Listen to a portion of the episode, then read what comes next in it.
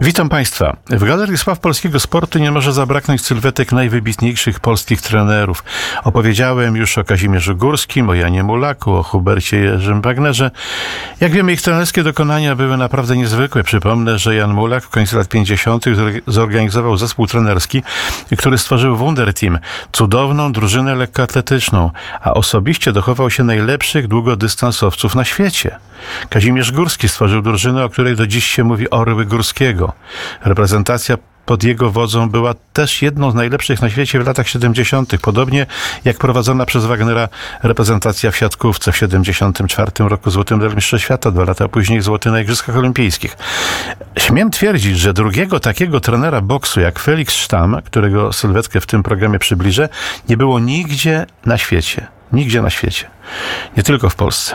Pod jego wodzą polscy pięściarze startowali na siedmiu Igrzyskach Olimpijskich. Zdobyli na tych Igrzyskach 24 medale, w tym 6 złotych i na 14 Mistrzostwach Europy, zdobywając 63 medale, w tym 25 złotych. Mistrzostw świata w tamtym czasie nie rozgrywano. A te osiągnięcia byłyby przecież jeszcze bardziej imponujące, gdyby nie wojna i niemiecka okupacja, która nie tylko spowodowała wielką wyrwę sportowej rywalizacji, to na dodatek, na dodatek zniszczyła wiele bokserskich talentów, bowiem pod wodzą Feliksa Sztama już przed wojną mieliśmy najlepszą, a przynajmniej jedną z najlepszych bokserskich drużyn w Europie. Felix Sztam urodził się 14 grudnia 1901 roku w Kościanie, niewielkim miasteczku na południe od Poznania i był wielkopolaninem z krwi i kości. Gdy miał lat 17, czynnie uczestniczył w powstaniu wielkopolskim. Potem skierowano go do szkoły podoficerskiej w Przemyślu, a w 1920 roku jako ułan walczył z najazdem bolszewickim. Gdy Polska obroniła swą świeżą niepodległość, a w Poznaniu utworzono Centralną Wojskową Szkołę Sportów i Gimnastyki, był jednym z pierwszych studentów. Zaczął uprawiać boks i zapowiadał się na świetne świetnego, na świetnego pięściarza, ale gdy na Igrzyskach Olimpijskich w 1924 roku w Paryżu doszło do kompromitującego występu naszych bokserów, postanowił zostać trenerem. Zdobył stosowne uprawnienia i zaczął prowadzić sekcję bokserską w Warcie Poznań. Wkrótce został też asystentem trenera reprezentacji, tyle że Polski Związek Bokserski bardziej liczył wtedy na trenerów zagranicznych, ale ci jakoś nie spełniali pokładanych w nich nadziei. Jeden z takich trenerów, Niemiec, wcześniej dobry bokser, zachował się nawet skandalicznie, bowiem po pobraniu pierwszej pensji, dość wysokiej, natychmiast wrócił do domu. Postępy polskich pięściarzy były zasługą niemal wyłącznie Feliksa Sztama i to on doprowadził dwóch bokserów, Witolda Majchrzyckiego i Mieczysława Forlańskiego, do srebrnych medali na Mistrzostwach Europy w 1930 roku. Pierwszych w historii polskiego boksu medali Mistrzostw Europy, a zarówno Majchrzycki, jak i Forlański trenowali w Warcie pod okiem Sztama. Reprezentacja była jak tylko dopełnieniem uzupełnieniem tych treningów. Rok wcześniej, w 29 roku, Felix tam się ożenił. Jego wybranka miała na imię Irena i była śliczną młodą poznanianką. Mieli trzech synów i jedną córkę ale pracował oczywiście z bokserami niezwykle wytrwale. Na Igrzyska Olimpijskie do Los Angeles w 1932 roku Polacy nie pojechali, brakowało funduszy. Dwa lata później na Mistrzostwach Europy było już pięć medali, dwa srebrne, trzy brązowe. Dodam, że w tamtym czasie, jeszcze przez kilka lat po wojnie, przegrani w półfinałach musieli stoczyć walkę o brązowy medal, a później, jak wiadomo, przyznawano dwa medale brązowe, powiem, pokonani w półfinałach już nie musieli o ten brązowy medal walczyć. Zatem zdobycie brązowego medalu w tamtym czasie było o wiele, wiele trudniejsze trudniejsze. Na Igrzyskach 1936 roku medali nie udało się jednak zdobyć, ale do historii boksu przeszła ćwierćfinałowa walka Henryka Chmielewskiego z Amerykaninem Clarkiem. Po latach Sztam twierdził, że była to najlepsza, najpiękniejsza walka, jaką kiedykolwiek widział. Chmielewski ten pojedynek wygrał, ale dłonie miał tak poubijane, że nie był w stanie stanąć do walki półfinałowej. Medalu więc nie zdobył. Gdyby nie to, droga do złotego medalu byłaby pewnie otwarta. Po berlińskich Igrzyskach w Polskim Związku Bokserskim zdecydowano, że to Felix Sztam ma być głównym trenerem reprezentacji.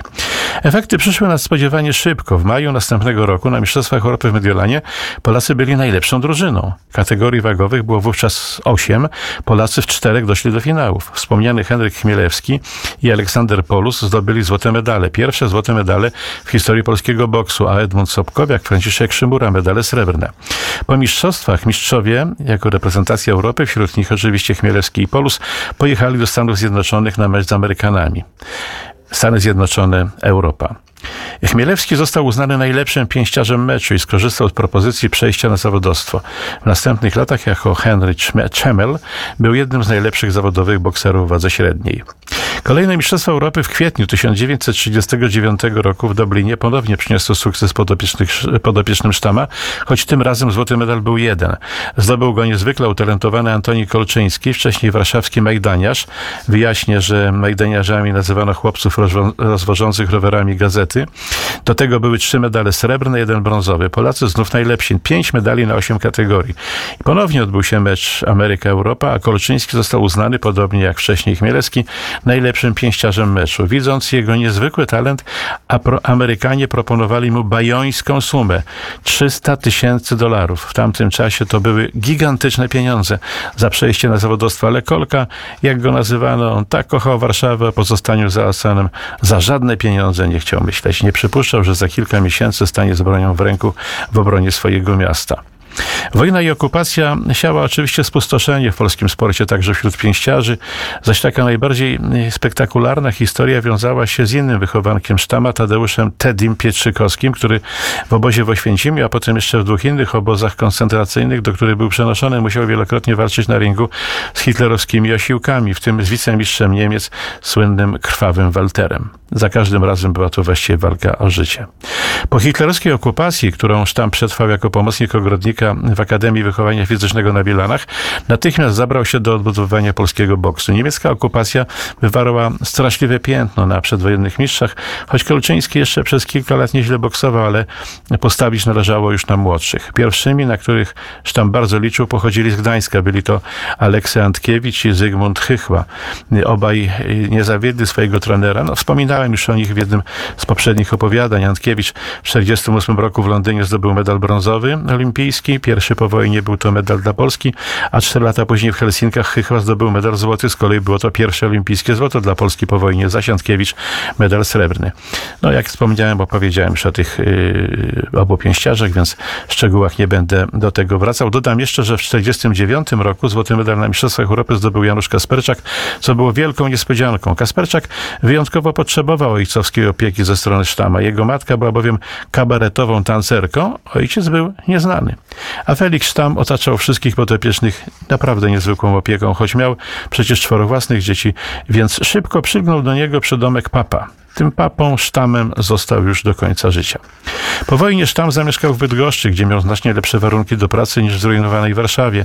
W 1950 roku, uznając, że należy poszukać miejsca na ośrodek dla bokserskich treningów nad morzem, na pożyczonym motocyklu objeżdżał nadmorskie miejscowości. Najbardziej do gustu przypadło mu Cetniewo, część Władysławowa, gdzie było zupełnie pusto. Plaża była szeroka, na nadmorskiej skarpie stał jedyny budynek, który można było przejąć, a który przed wojną służył Wojsku Ochrony Wybrzeża.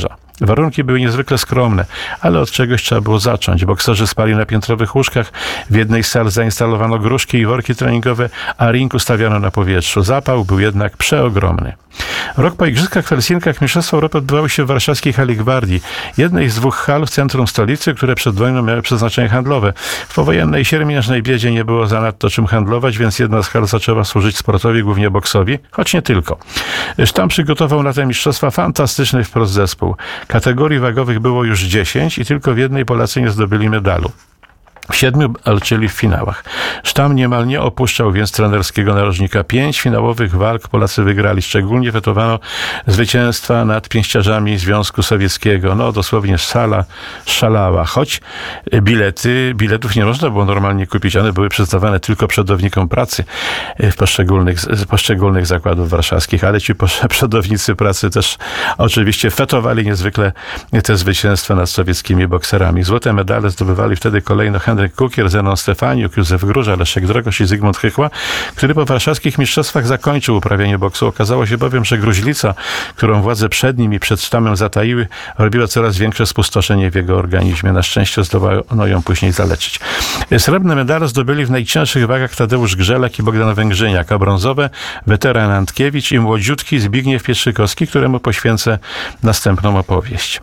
Hala Gwardii, służąca polskiemu sportowi przez kilkadziesiąt lat, była symbolem najlepszych dla Polski mistrzostw Europy.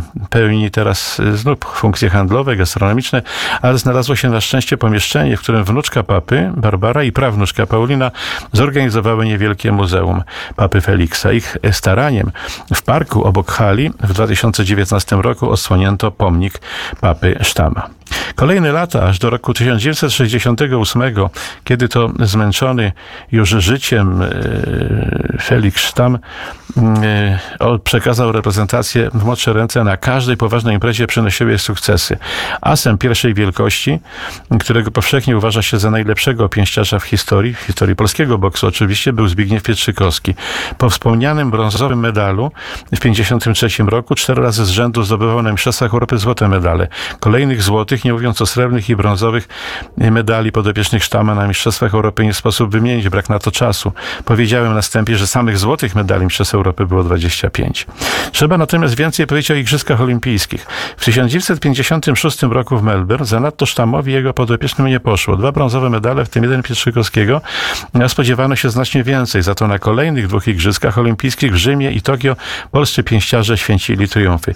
Finałowe walki w Rzymie pamiętam doskonale. Po raz pierwszy telewizyjne transmisje z Igrzysk mogła oglądać cała Europa. Ja byłem wtedy w siódmej klasie podstawówki, byłem już wielkim kibicem i, i z wypiekami na policzkach oglądałem te Igrzyska. Czterej Polacy walczyli w finałach, choć powinno być ich pięciu, ale Mariana Kasprzyka po wygranej walce z głównym faworytem Jęgi Barianem lekarz nie dopuścił do pojedynku półfinałowego na otarcie, Rys miał medal brązowy. Już wtedy nie musiano o te medale brązowe walczyć. Przybliżę tę historię w opowieści o Marianie Kasprzyku. Poza nim brązowe medale zdobyli Brunon Bendik, Leszek Drogosz. Czterej polscy pięściarze dotarli do finału. Pierwszy walczył Jerzy Adamski. Przegrał minimalnie z, z Włochem Musso. Zaraz po nim na ring wyszedł Kazimierz Paździor, wygrywając z innym Włochem Lopopolo. Mieliśmy więc złoty medal. Po nim walczyli jeszcze Tadeusz Walasek i Zbigniew Pietrzykowski, obaj z bokserami amerykańskimi. O ile w ogólnej opinii Walaska mocno skrzywdzono, to Pietrzykowski w pojedynku z Cassiusem Klejem, późniejszym Mohamedem Alim, najlepszym zawodowym bokserem wszechczasów, był jednak minimalnie gorszy. W ogólnym rozrachunku siedem medali podwyższych Sztama na Igrzyskach w Rzymie było jednak wielkim sukcesem. Jeszcze lepiej było na kolejnych Igrzyskach 1964 roku w Tokio. Znów czterech Polaków walczyło w finałach, ale tym razem tylko jeden Artur Olek swój pojedynek przegrał, zdobywając srebrny medal. Natomiast Józef Grudzień, Jerzy Kulej, Marian Kasprzyk zdobyli medale złote. Na dodatek wszyscy w finałowych walkach pokonali bokserów Związku Sowieckiego. Tadeusz Walasek i Zbigniew Pieszykowski tym razem kontentowali się medalami brązowymi. Lata 60. to jeszcze Igrzyska w Meksyku w roku 68, na których podopieczni Sztama zdobyli pięć medali. Złoty po raz drugi wywalczył Jerzy Kulej. Srebrne ponownie Artur Olech, Józef Grudzień. Brązowe Hubert Skrzypczak, Stanisław Dragan. 20 powojennych lat było więc niezwykłym okresem polskiego boksu amatorskiego i to przede wszystkim za sprawą Feliksa Sztama, który po Igrzyskach w Meksyku z mocno już nadszarpniętym zdrowiem postanowił przekazać reprezentację w młodsze ręce. Narodową drużynę prowadził pani Michał Szczepan, którego miałem okazję dość dobrze poznać, aż tam jeszcze przez jakiś czas pomagał mu jako konsultant. Jako kontynuator wielkiego Feliksa trener Szczepan też osiągnął z pięścierzami wiele cennych sukcesów, choć najlepsze polski, lata polski boks no, już miał jednak trochę za sobą. Z Igrzysk Olimpijskich, Mistrzostw Europy Polacy przywozili jednak jeszcze wiele medali. Kryzys zaczął się wówczas, gdy do polskiego boksu bezpardonowo wkroczyło zawodowstwo. Marne, bo marne, ale zaczął liczyć się biznes. Zaś Felix Sztam na początku 1976 roku doznał udaru, zmarł 2 kwietnia tegoż 1976 roku został pochowany na cmentarzu wojskowym na Powązkach. Zaś w dwóch kolejnych opowieściach, o czym już wspominałem, przybliżę Państwu sylwetki jego dwóch wybitnych wychowanków Zbigniewa Pietrzykowskiego, Mariana Kasprzyka.